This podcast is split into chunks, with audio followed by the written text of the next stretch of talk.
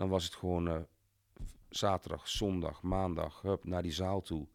En de zaal eh, ja, helemaal omdoen van eh, ja, drek, zooi wat overal ligt. Mensen die in de hoek urineren, dan wel gekotst hebben, nou zeg het maar. Je komt alles tegen. En iedere dag heb je wel de prestatie dat je iets oplevert, dat het weer schoon is. Je hoort Tony Injikes Najdanovski. Zijn ouders hebben een schoonmaakbedrijf als zijn moeder op een dag ziek wordt. Om zijn vader een beetje te helpen gaat de jonge Tony mee met schoonmaken. Dat betekent bierglazen uit pisbakken vissen. In een achterstandsbuurt is dat misschien wel het recept om te mislukken. Dus is het de vraag, waar zit Tony's veerkracht om alsnog te slagen in het leven?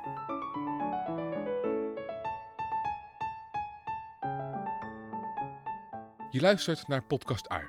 De plek waar we schilverschillend leven afbellen en met de snippers van die ui het hele leven op smaak brengen. Mijn naam is Basti Baroncini en in elke aflevering praat ik met iemand die naar de hel ging, maar ook weer terugkwam met prachtige levenslessen. Aan hem of haar stel ik de vraag: welk licht vond jij in het donker? Goed, Tony en Jiga Snijdanovski dus. Zijn ouders beginnen een schoonmaakbedrijf en maken hele dagen schoon. Aandacht voor Tony en zijn broertje is er wel, maar in de marge. Je valt zo direct het gesprek binnen als Tony vertelt over het telefoontje aan zijn vader dat alles zou veranderen.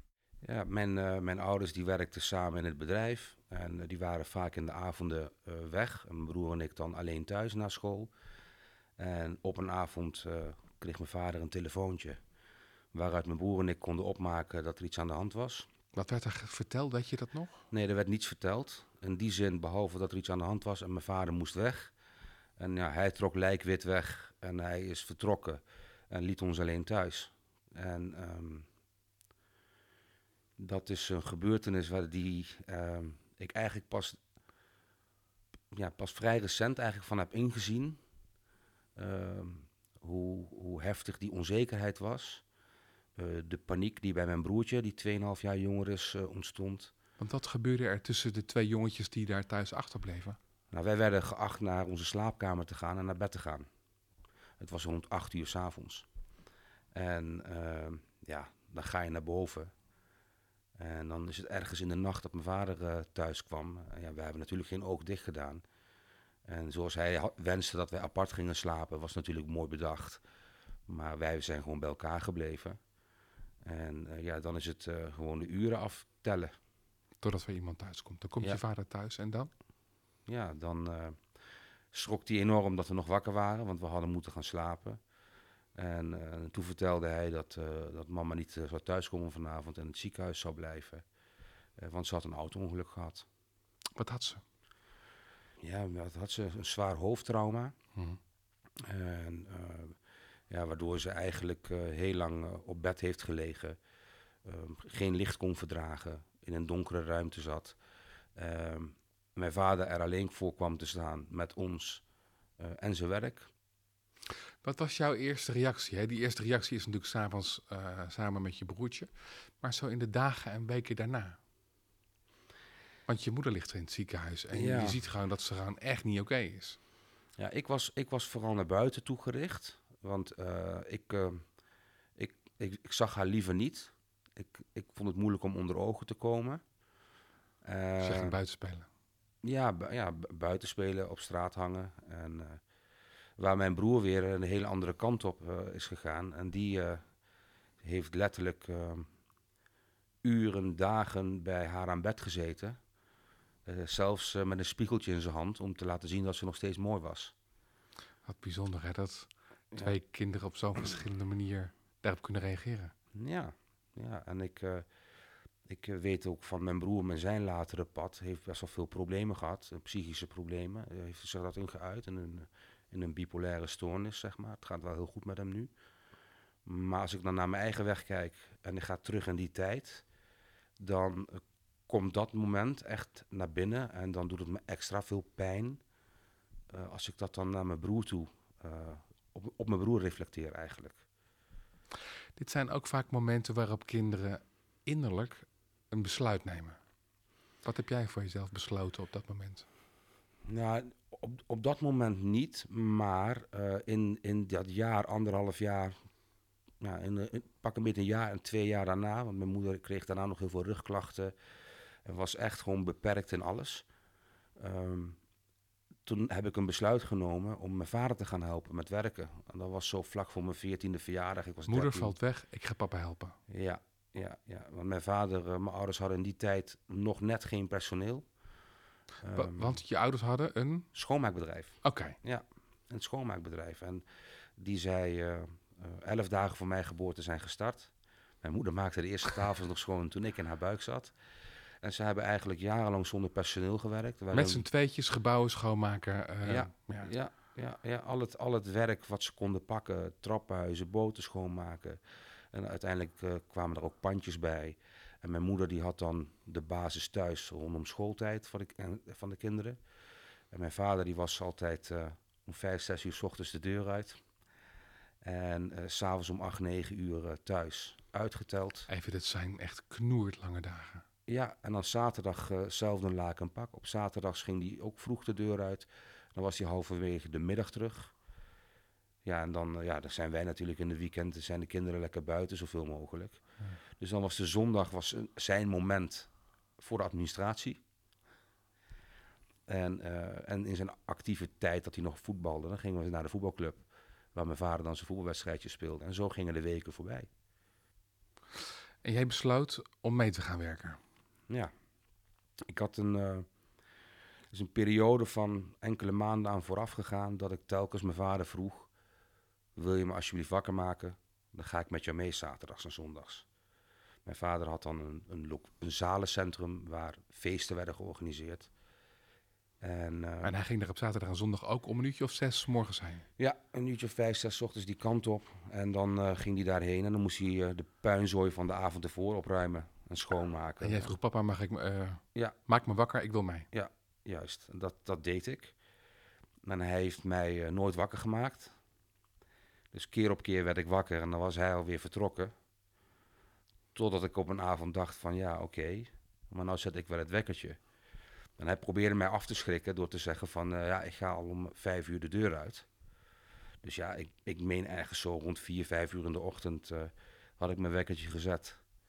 Maar rustig aangekleed om niemand in huis wakker te maken. Ben ik beneden op de bank gaan zitten. En, eh, en toen mijn vader naar beneden kwam, nou dat was waarschijnlijk zo rond half zes of zo, schrok hij. Denkt hij, wat doe jij hier beneden? En aangekleed. Nou, dat was eigenlijk het begin van onze lange samenwerking. Waarom wilde hij je aanvankelijk niet wakker maken? Nou, hij gunde mij gewoon als kind de rust. Dat, dat, is mijn invulling. Hè? Eh, hij gunde mij als kind de rust. Eh, enerzijds. Hij wist ook dat ik voetbalde. Dus vaak rond het middaguur moest ik ergens eh, voetballen. En dat, mocht er niet onder lijden. Ehm, en ik denk dat hij me gewoon nog te jong vond. Hij had zelf ook een groot trauma. Ja, maar ik vrij recent heb ik het op een andere manier leren bekijken. Want, eh, kijk, het is natuurlijk hartstikke mooi dat je vader zegt: blijf lekker liggen, je hoeft niet te werken, zeker op die leeftijd. Nou, ik heb die keus voor mezelf gemaakt. Eh, maar goed, als ik dan kijk naar de loop, levensloop van mijn vader, eh, opgegroeid in Spanje. eh, In Spanje in de jaren 40, ja, 50? eh, in begin jaren 50. Ja? ehm, in een gezin wat veel armoede kende. Mhm. waar mijn opa en oma een bakkerij hadden. En hij vanaf zijn zesde ehm, aan de oven stond s ochtends. En dan echt om vier, vijf uur s ochtends eruit. Ehm, met de zachte hand van de moeder. Om te voorkomen dat de vader met de harde hand, mijn opa dus, hem moest wakker maken. Want daar moest gewoon keihard gewerkt worden in dat gezin. Dus mijn eh, vader die stond eh, als, als jochie van zes eh, aan de oven. En wee als hij aan de oven in slaap viel. Dan ging het met een forse duw, heb ik wel eens begrepen, met zijn hoofd tegen de muur om wakker te worden. Dus je vader wist zelf ook wat het is om heel jong te moeten werken. En wilde jou daar ergens misschien ook wel voor behoeden. Ja, ehm, Jij persisteerde. Jij wilde mee. ja, En je zegt dat resulteerde in een jarenlange samenwerking. Wat heb je op die eerste dag gedaan dat je meeging? In dat zalencentrum. nou, ik, ben, eh, ik ging dus met hem mee. En eh, nou, we komen die ruimte eh, binnen en daar was een Turks feest geweest. En je kunt aan de vervuiling zien wat voor een type feesten er zijn geweest. En bij Turken liggen er allemaal platgetrapte nootjes en noem maar op, et cetera. Eh, openbaar wordt er niet of nauwelijks gedronken, maar de lege glazen, en vooral bierglazen, stonden flink opgestapeld eh, in de urinoirs. Dus het allereerste wat ik moest doen was eh, de lege bierglazen uit de urinoirs vissen. Met als gevolg dus dat mijn vader, dat ik mijn vader zei van of die, vroeg of hij handschoenen had. En toen zeiden de woorden van nou nee en zorg jij maar dat je wel een vak gaat leren. En eh, dat is wel, eh, dat zijn woorden die ik nog wel eens herhaal als ik zeg maar het over mijn start van mijn carrière in de schoonmaakbranche op mijn dertiende heb. Het klinkt, ehm, eh, het klinkt hard, het klinkt meedogenloos, liefdeloos. En ook tegelijkertijd heel liefdevol. Er zit een enorme dubbelheid in. Ja, als ik eh, kijk, de woorden van mijn ouders eh, eh, naar mij en mijn broer toe altijd, is ook geweest dat zij, zij kwamen allebei uit een, een situatie met armoede, maar ook zelfs geweld bij mijn Want van- vertel daar eens iets over. Je vader heb je al iets over verteld. Die kwam dus uit Spanje. Een, een bakkersgezin met diepe armoede. Ja, en mijn Ja? opa en oma namen alleen de drie dochters mee en lieten de twee zoons achter. Want die waren eerder gekomen en als gastarbeiders. Dus mijn, eh, mijn vader en zijn broer werden achtergelaten in Spanje. En- Omdat? Eh, omdat het gewoon niet te betalen was. Dus dan werden die beslissingen genomen. En dat moet ook heftig voor hun zijn geweest. En eh, mijn oom, een jaar ouder, die was al militaire diensten gegaan in de Franco-tijd. En mijn vader, eh, ja, die had een paar maanden voordat hij in dienst moest, eh, besloot hij om eh, liftend eh, naar Nederland te komen. Naar Arnhem, waar zijn eh, ouders en zijn zussen waren. En zo, zo geschiedde. En mijn moeder heeft een eh, hele andere weg eh, belopen. Waar komt zij vandaan? Uit tegenwoordig moet je zeggen Noord-Macedonië. Ja, de oude Balkan. Ja, Ja. ja. Ja, geboren in Servië, opgegroeid in Macedonië. Nou, tegenwoordig dus Noord-Macedonië. En mijn moeder die kende ook een hele moeilijke thuissituatie. Met een ernstig zieke moeder, mijn oma. Eh, die eh ja, schizofreen, eh, schizofrenie had. Mijn moeder was een nakomeling. En mijn opa is een, een partisaan geweest. Heel veel drankmisbruik, wat dan ook weer uitmondde in geweld thuis. Waar mijn moeder als, als meisje getuige van was. Getuige of ook zelfs slachtoffer? Nee, dat, heb ik, dat laatste heb ik, heeft ze nooit wat over gezegd. maar wel getuige was van mishandelingen van haar moeder. Ja, extreme, echt extreem.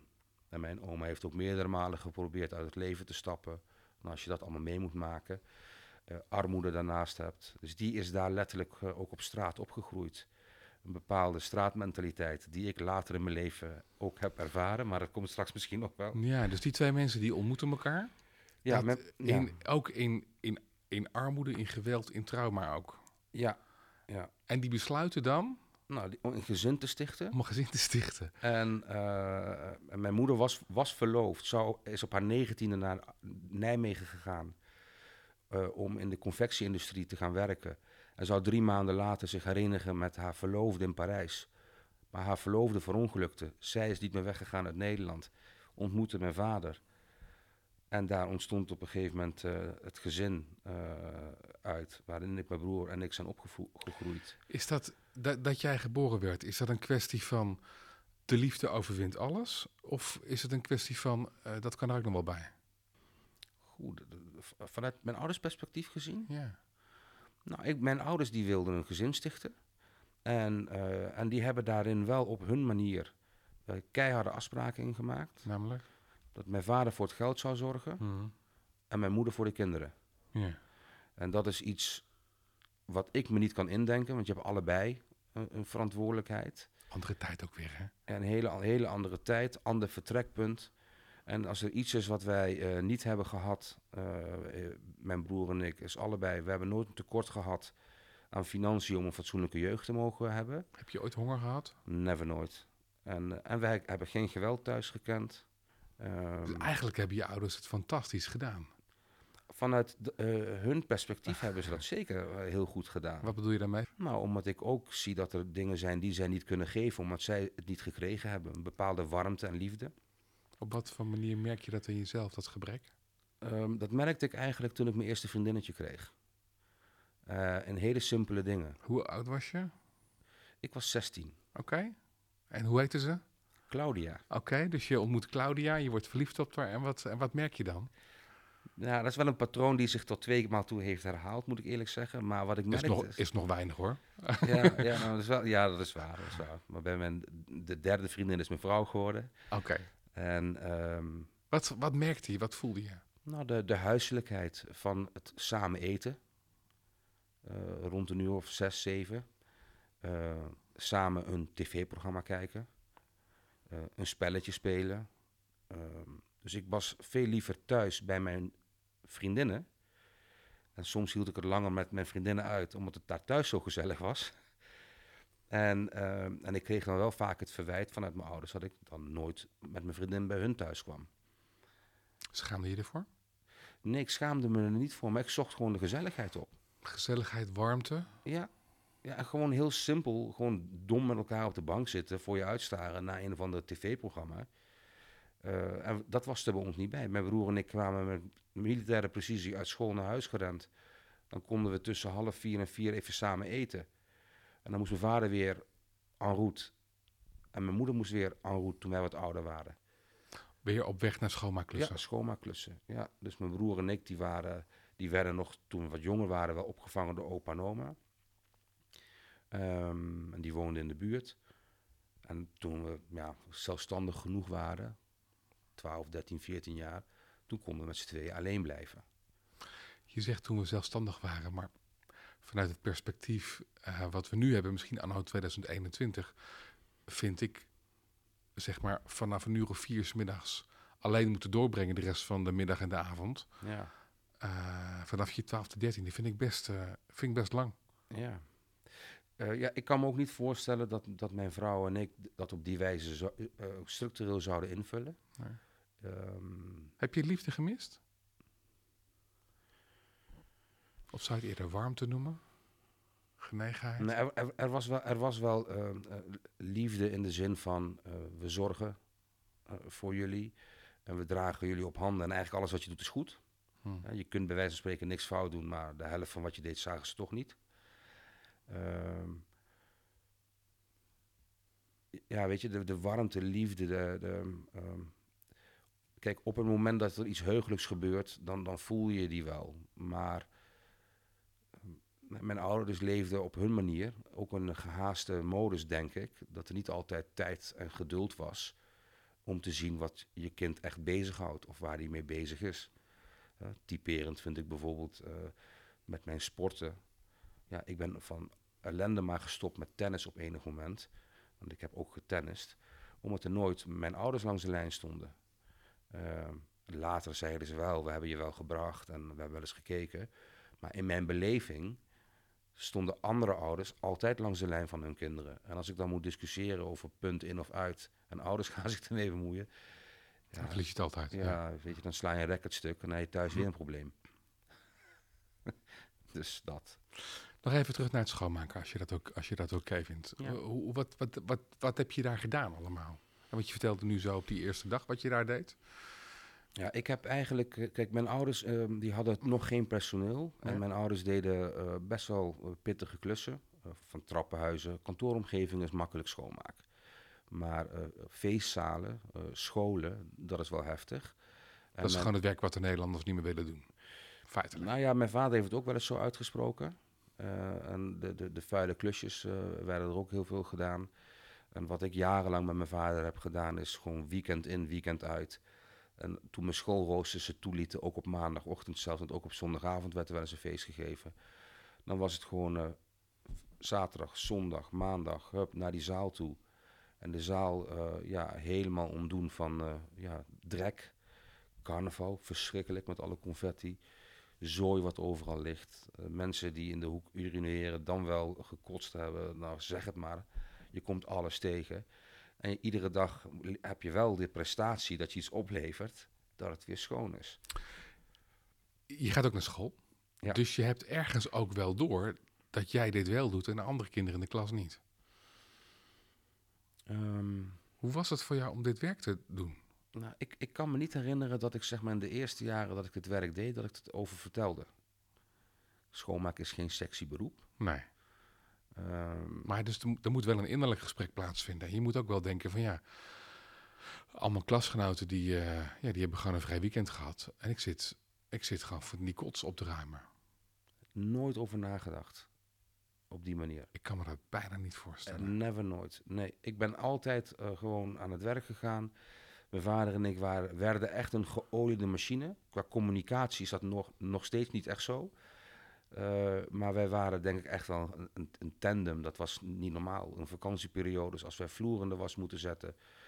dan waren een ander met vier, vijf, zes man een heel weekend bezig is. Ja, dan startten wij zaterdagochtend en hooguit zondagochtend nog even terug... en dan was het werk gedaan. Ik kan me ook niet herinneren dat we het pauzeerden en even wat aten. Het was gewoon gas erop.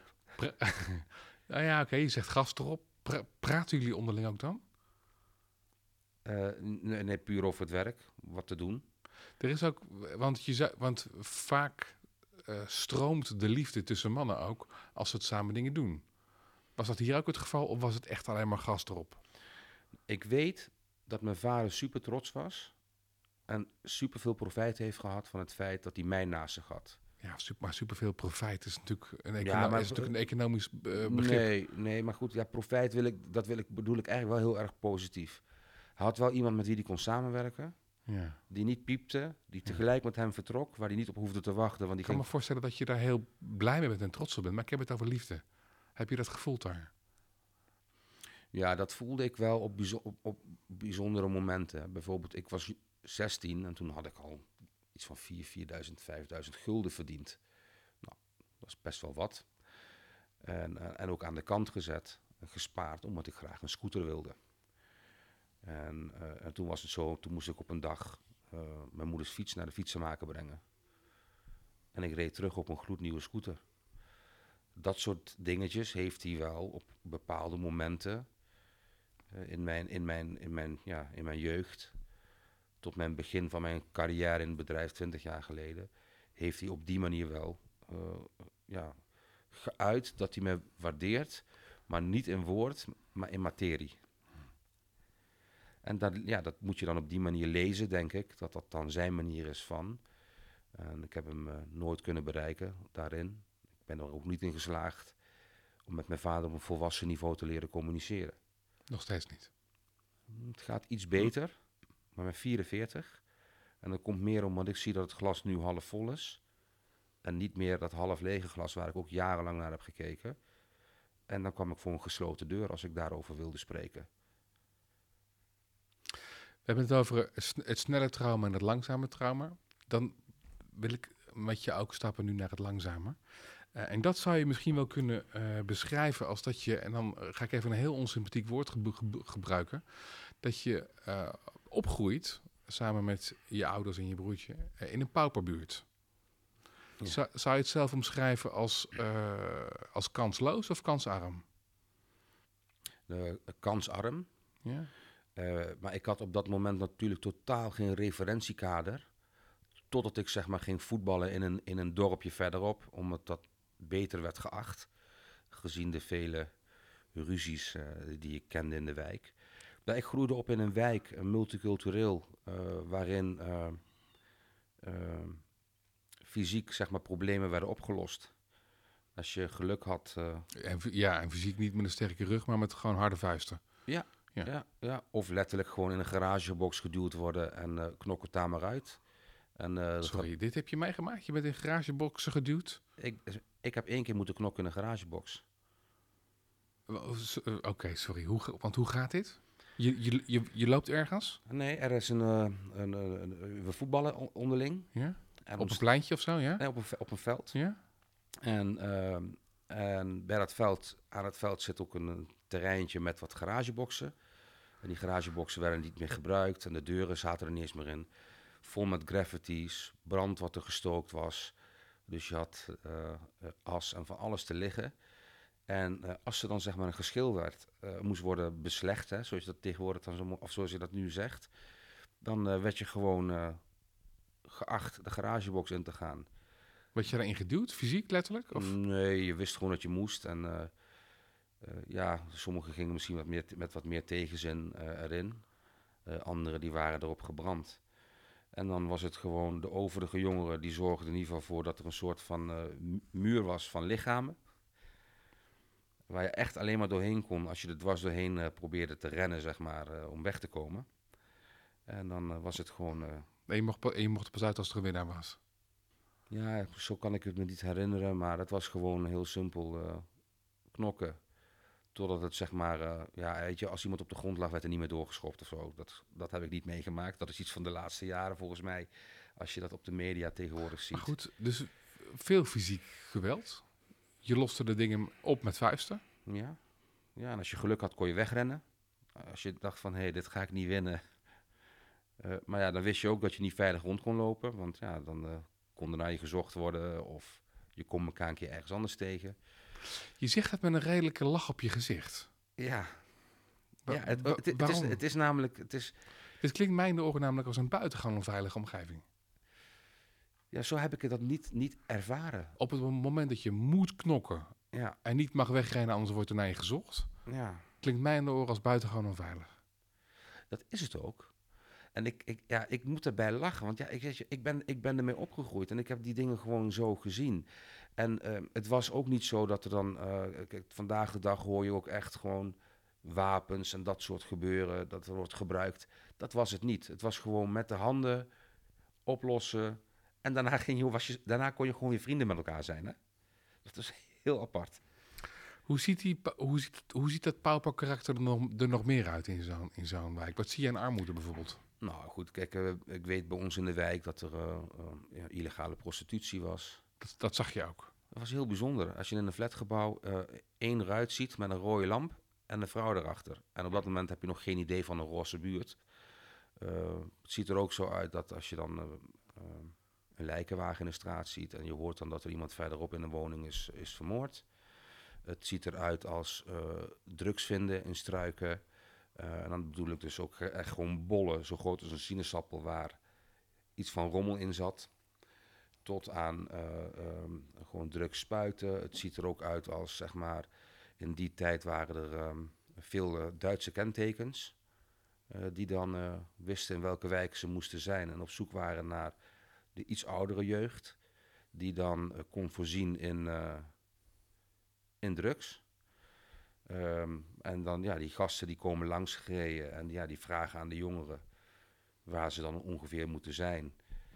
En dat was wel, uh, ja, dus je ziet wel figuren die er niet horen. Um, Vanaf wanneer kreeg je al, een beetje door in wat, wat, ja, wat voor milieu dat was?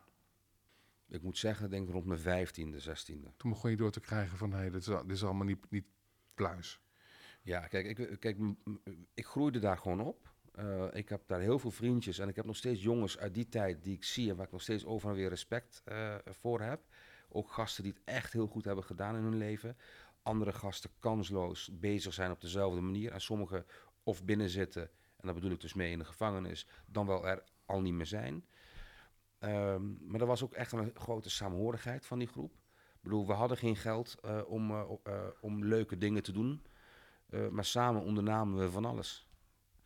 Uh, Hoe dicht ben je zelf in de buurt van criminaliteit terechtgekomen? Als ik de verkeerde mensen om mij had gehad, had ik ook dingen kunnen doen in die tijd om snel geld te verdienen. En ik zeg dat, die mensen die dat deden waren zeker verkeerd. Dus dat is sowieso. Maar ze hebben mij nooit ergens in betrokken. Want in de wijk was ook wel duidelijk dat mijn ouders hardwerkende mensen waren. En een bedrijf uh, uh, hadden aan het opzetten waren. En ook in mijn puberteit begonnen mijn ouders hun eerste personeelsleden te krijgen. En die haalden ze ook weer via via uit de wijk. Zo groeide dat. Dus ik weet wel dat die, die vrienden van mij uit die tijd die wel fout waren, die hebben mij nooit ergens bij betrokken. Um, zeg je nou uit respect voor je ouders?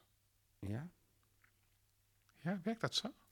Ja, ik, ik denk dat dit dus waren... die foute jongens die wilden jou een beetje beschermen omdat ze wisten dat je hardwerkende ouders had? Ja, ja, omdat zij, uh, dat waren ook allochtone jongeren. En ik, ik, ik wil geen, geen ja, uh, bevolkingsgroep betrekken daarin.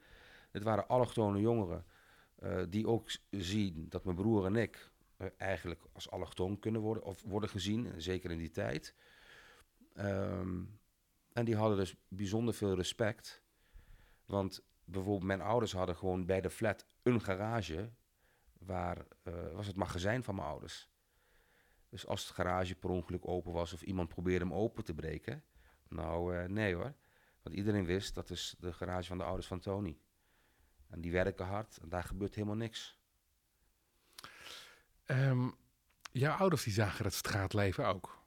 Waar jij ja, zo'n beetje doorheen bewoog. Wat vonden ze daarvan? Mijn ouders, die, mijn ouders waren uh, eigenlijk um, ook veel weg hè, als wij Dani en ik, uh, mijn broer en ik buiten waren. Maar ze waren niet dom, dus ze wisten ook wat daar gebeurde.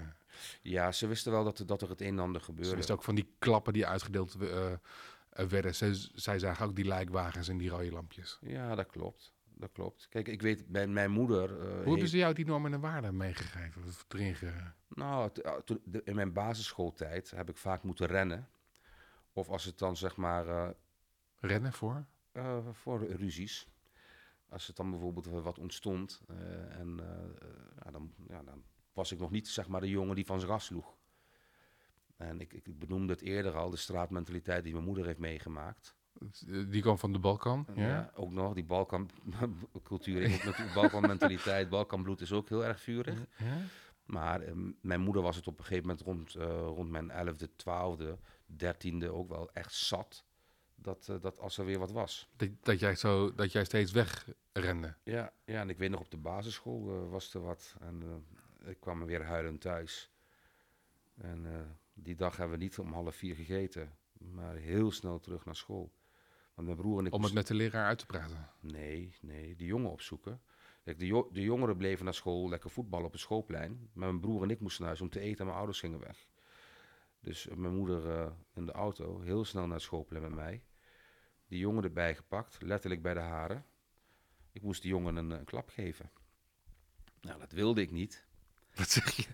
Ik dacht, dit gaat naar, ja. dit, dit gaat naar uitpraten. Nee, je moeder die, zet, die pakte die jongen, die zette die voor je neer. Letterlijk bij de haren zo. En zij tuig hem af.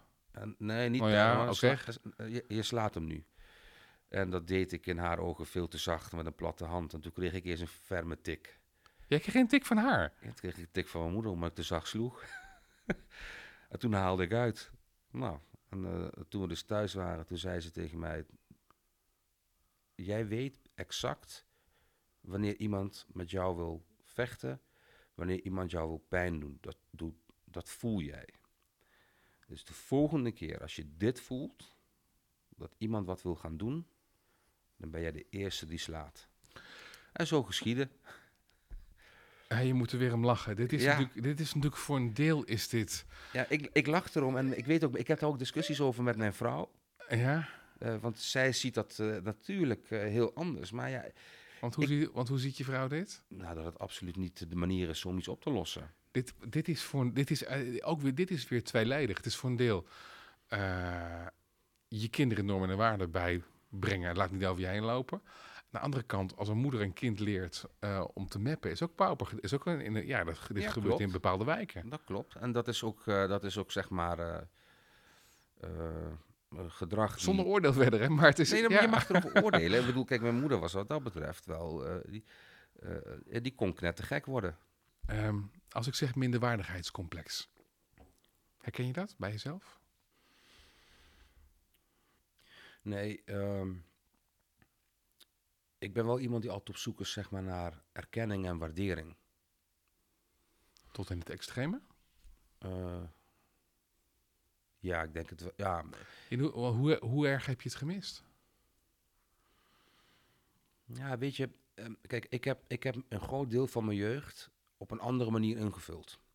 Namelijk in plaats van uh, uitgaan, stappen en, en dat soort dingen. Kind zijn, ja. waren dat zaken die ik. Uh, ja, pas op latere leeftijd, op mijn 28ste zo'n beetje, ging ik de korenmarkt ontdekken. Eh, om het maar zo te zeggen. De uitgaansbuurt. Ja, ja en um, nou, exact. Um, en daarvoor, ja, weet je, ik was aan het werk. En uh, toen ik 16, 17, 18 was en wel eens een keer naar de korenmarkt ging, met bepaalde vrienden, kwamen er ook achter dat we nergens binnenkwamen. Dus dat geef je ook maar op. Um, en daarnaast, als je in de ochtenden vroeg bent, een nachtje doortrekken in die tijd ging nog, ging nog wel makkelijk. Maar ja, dan, je weet, volgende ochtend ga ik werken en dan heb ik andere zaken op de rol staan. Maar goed, jij, jij, jij zegt minderwaardigheidscomplex. ik, snap, ik snap wel dat je dit zegt. Ehm, ik, ik weet wel dat, ik, dat ik in de beginjaren van mijn carrière na school, dat ik in het bedrijf zat, dat ik wel ehm, eh, ook in het netwerk echt heel hard heb gewerkt. En, eh, en ook wel mezelf zag als, ja, het is maar een schoonmaakbedrijfje. En, ehm, dus ik weet wel dat ik altijd heel graag vertelde, als ik dan een schoonmaakbedrijf, vertelde ik een schoonbedrijf had, vertelde ik heel rap erachteraan welke klanten we allemaal hadden. Want dat waren allemaal aansprekende namen en noem op. En ik merkte dat je daardoor meteen serieus genomen werd. Dus ik denk dat er onbewust wel een minderwaardigheidscomplex heeft gezeten. Daar goed over nadenkend. Ehm, en als kind een bepaalde eh, waardering en erkenning eh, eh, krijgen voor het, hetgeen je doet. Kijk, dat werk wat ik met mijn vader deed, het was heel vanzelfsprekend. En ik, ik, ik vroeg niet om een schouderklopje, terwijl ik ernaar hunkerde. En hij kon hem niet geven, want hij had het zelf nooit gehad. Dus ik denk dat er bij hem ook, ondanks dat hij het heeft proberen tegen te houden dat ik vroeg ging werken, dat er bij hem ook een onbewust iets zit van mogelijk eh, schaamte. Is dat misschien dat hij zijn kind op zo'n jonge leeftijd al meeneemt werken? Ja? Zou dat kunnen? Ja. Ja, schiet me zo, dat woord komt in één keer naar binnen. Ik weet het niet. Zou het vernederend kunnen zijn? Kijk, het is, misschien zou je kunnen zeggen, het is voor iedereen vernederend om de kots en de urine van een ander op te ruimen. Ja, nee. Maar als je daarin je kind Ja. meeneemt, Nou, ik, ik, moet, ik moet zeggen dat ik, ik, ik... Nee, niet vernederen. Want het heeft, hij heeft ook wel gezien dat ik daardoor wel mijn drive kreeg om op school het ook goed te doen. Ja, ik, ik heb, laten we die stappen zetten ook. Want, in het- want we hebben het inderdaad over eh, die kansarme buurt. We hebben het over eh, meewerken vanaf je twaalfde. Terechtkomen in, ja, in, in, ja, in een omgeving die, die niet heel erg steunend is. Dat zou je kunnen zeggen, de ideale voedingsbodem voor ellende.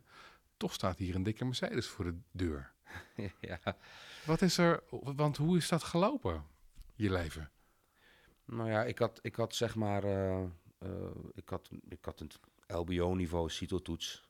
In die tijd was dat LBO-niveau. Volgens mij is dat tegenwoordig, ik weet niet wat, kader Nou, maar zo. ja, ja.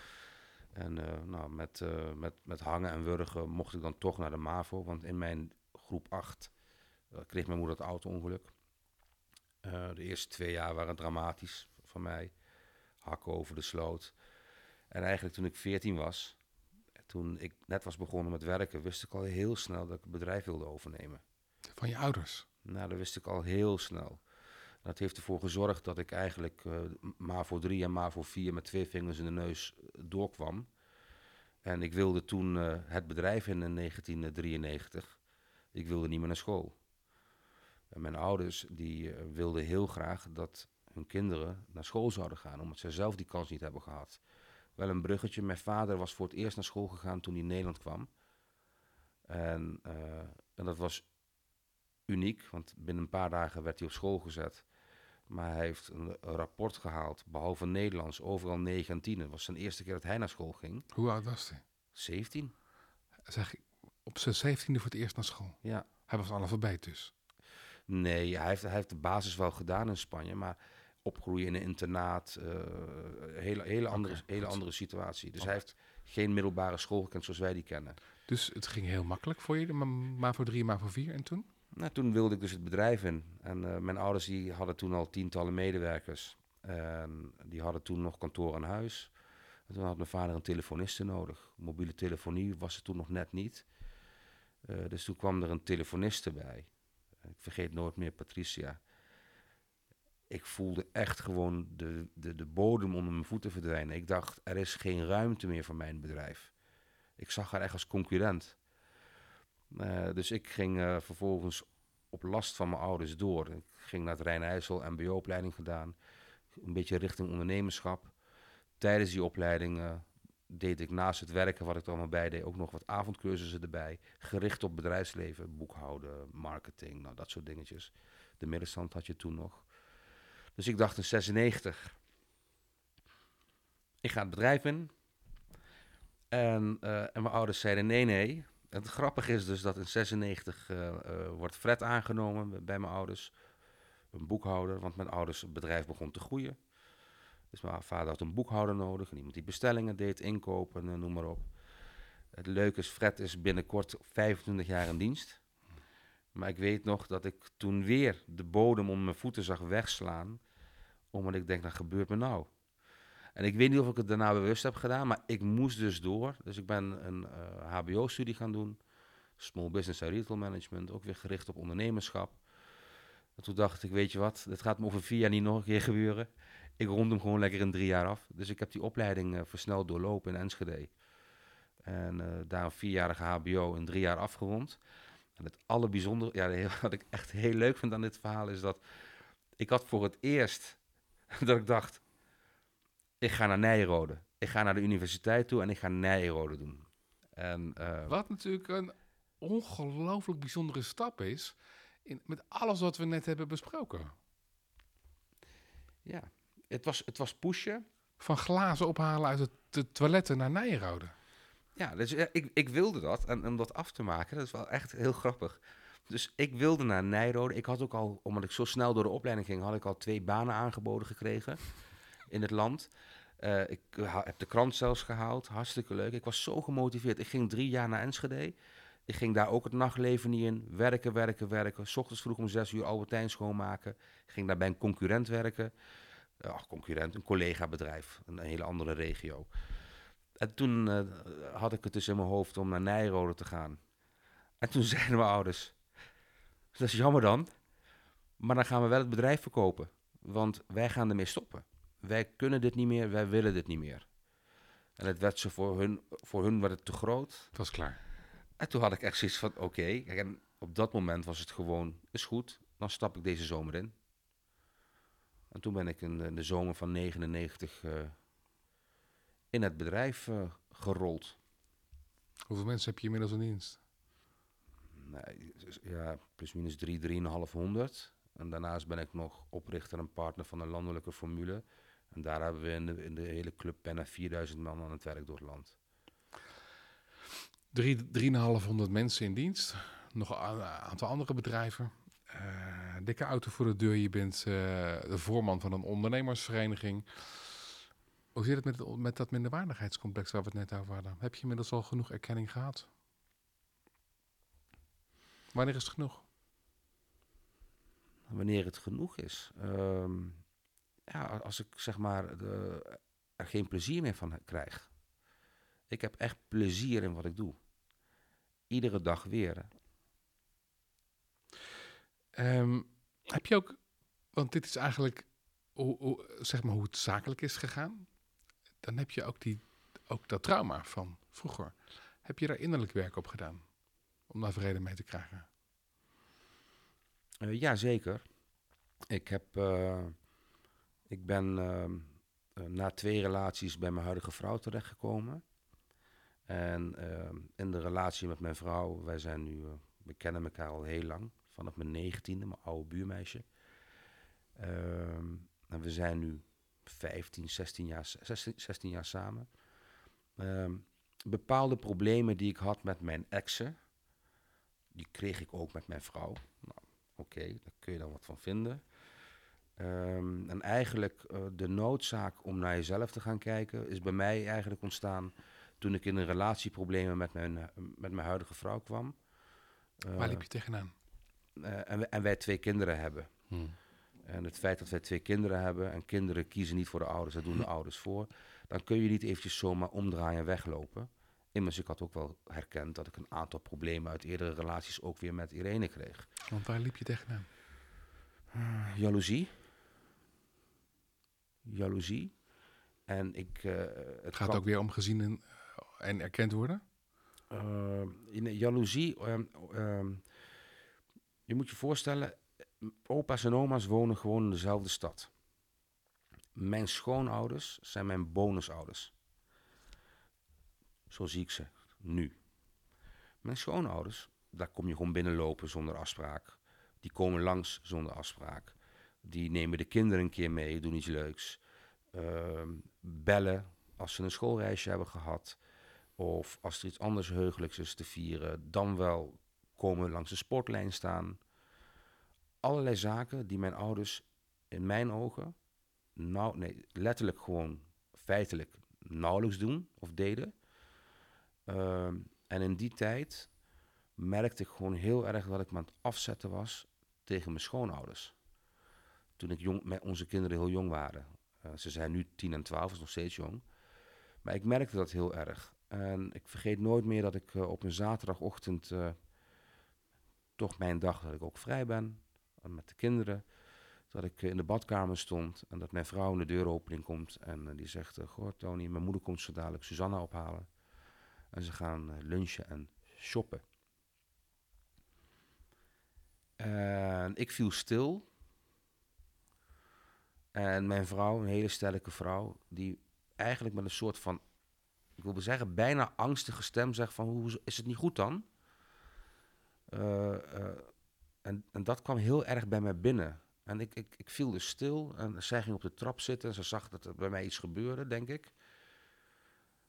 En uh, toen zei ik, nee schat, hartstikke leuk. Maar uh, ik realiseer nu hoe graag ik had gezien dat mijn ouders dit hadden gedaan. En dat ik dat eigenlijk gewoon zodanig mis. En dat ik ook denk, die kinderen zijn zo klein. Zij zijn gewoon opa en oma en ze nemen de tijd er niet voor. En, en, en misschien onbewust, maar dat zeg ik dan nu, herhaalt dan iets zich wat ik ook heb gemist. En blijkbaar kunnen ze het dan niet geven. Um, en dat was echt een, een, een keerpunt in mijn, uh, in, in, in mijn zijn, zeg maar. Ik ben me toen ook uh, wat, wat directer gaan communiceren met mijn ouders op wat zaken. Nou, dat, uh, daar moesten mijn ouders heel erg aan wennen. ja, zo werkt dat. ja, moest, moesten ze heel erg aan wennen. En ik zei, nou, wend er maar aan. Dit is gewoon wie ik ben. En ik ga er niet meer omheen draaien. Zo is het, in mijn ogen. En we kunnen het er gewoon over hebben. Je mag ervan weglopen. Nou, en dat heeft een, geresulteerd in een langere tijd van stroef, stroeve uh, verhouding. Waarin ik ook zonder schuldgevoel mijn ouders ook gewoon maanden, soms een jaar, anderhalf jaar niet zag. Dat heb je naar je ouders gedaan. Wat heb je naar je kinderen gedaan? En naar je vrouw? Nou, naar mijn kinderen gedaan. Uh, ik, heb naar mijn, ik heb mijn kinderen uh, nooit um, ergens mee lastig gevallen. Ik denk dat, dat ik een. Maar je hebt wel je eigen gedrag aangepast, misschien. Ja, maar daar, daar hadden de kinderen geen last van dat ik dat inzag. Of als ik dan bijvoorbeeld afgaf op mijn schoonouders, of dat ze weer naar mijn schoonouders ging, of wat dan ook. Daar hadden de kinderen geen last van. Dat deed ik niet in, zijn in hun bijzijn. Um, maar naar mijn vrouw toe, naar Irene, ja, dat is, dat, is, het, is haar leven wel een stuk makkelijker door geworden, doordat ik dat ging inzien. Uh, ben je een leuke mens geworden? Naar buiten toe was ik altijd een leuk mens. Uh, en ik denk dat ik thuis ook een leuker mens ben geworden voor mijn vrouw. En mijn vrouw heeft altijd in mij gezien dat ik met trauma uh, heb gelopen of zit. Mijn vrouw is jaren bezig geweest om mij de deur uit te krijgen om hulp te zoeken. Heb je dat ook gezocht uiteindelijk? Ja. Bij een psycholoog of, of iets dergelijks? Ja, ja, ik ben, ja, ik ben naar een... nou, ik vind coach mannelijke klinken. Maar inderdaad gewoon... Uh, wat zeg je nou? Wat is dat voor bullshit? Nou ja, een, een is... coach klinkt mannelijker, dus dan... Uh, Oké, okay, prima. Ja. Nee, maar het is, het, het is ook bullshit. En uh, de weg ernaartoe maakte ook dat het echt bullshit was. Wat was het grootste innerlijke conflict? Zeg maar, het conflict in jezelf wat je moest oplossen? Gewoon te, tevreden zijn met mijn leven, met wie ik ben. En, en dan denk ik ook aan jouw woorden die je net tot twee keer toe herhaalde. Wanneer is het genoeg? ik denk dat de wijze waarop ik zeg maar dingen heb gemist, onbewust, het succes zijn voor mijn huidige ondernemerschap. Want ik heb geknald, ik heb gewerkt, ik heb het bedrijf in een paar jaar tijd verviervoudigd richting mijn ouders. En ik kreeg die erkenning, kwam maar niet. En ik ging maar door en ik nam een bedrijf over en ik opende weer een bedrijf en we begonnen weer wat. En eigenlijk, uh, weet je, voor anderen was ik dan zeg maar uh, de, de, de succesvolle zakenman. En bij mijn ouders en vooral mijn vader was het altijd commentaar en altijd kritiek. in de fase dat ik hem nog toeliet om zo met mij te praten. Ehm, en ja, ik ben, ik ben hulp gaan zoeken omdat ik, ehm, ik, ik heb ook ehm, ik heb een tijd niet gesproken met mijn ouders. En toen vergeet ik nooit meer. Eh, ik was eh, op vakantie en mijn dochter en ik zaten samen achter de iPad een film te kijken. En uh, mijn moeder belde op. En dat gaat dan ook via je iPad. En mijn dochter die nam op en ik stond op en ik liep weg. En bij het weglopen binnen een paar meter realiseerde ik me, ik laat mijn dochter nu in de steek. Zij gaat het voelen. Hé, hey, oma belt, heb ik lang niet gezien en papa loopt weg. Dat moet heel snel door mijn hoofd zijn gegaan. Ik ben meteen omgedraaid.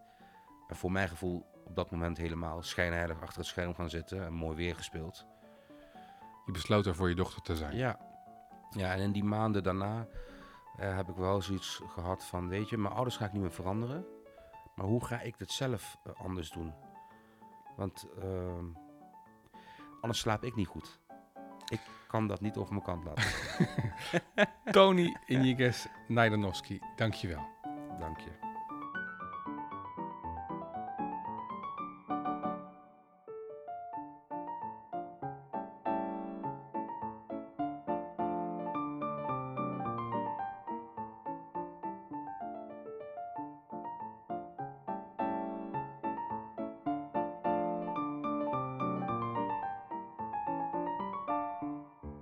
Dankjewel. Fijn dat je luisterde naar deze aflevering met Tony Injes Najdanovski. Als je deze aflevering nou mooi vond en je bent nieuw, scroll dan ook eens door de andere afleveringen of er iets bij zit wat je aanspreekt. Abonneren is handig als je elke vrijdagmorgen vanzelf nieuwe afleveringen in je podcast-app wil ontvangen. In de aflevering van volgende week hoor je trouwens Margriet de Schutter.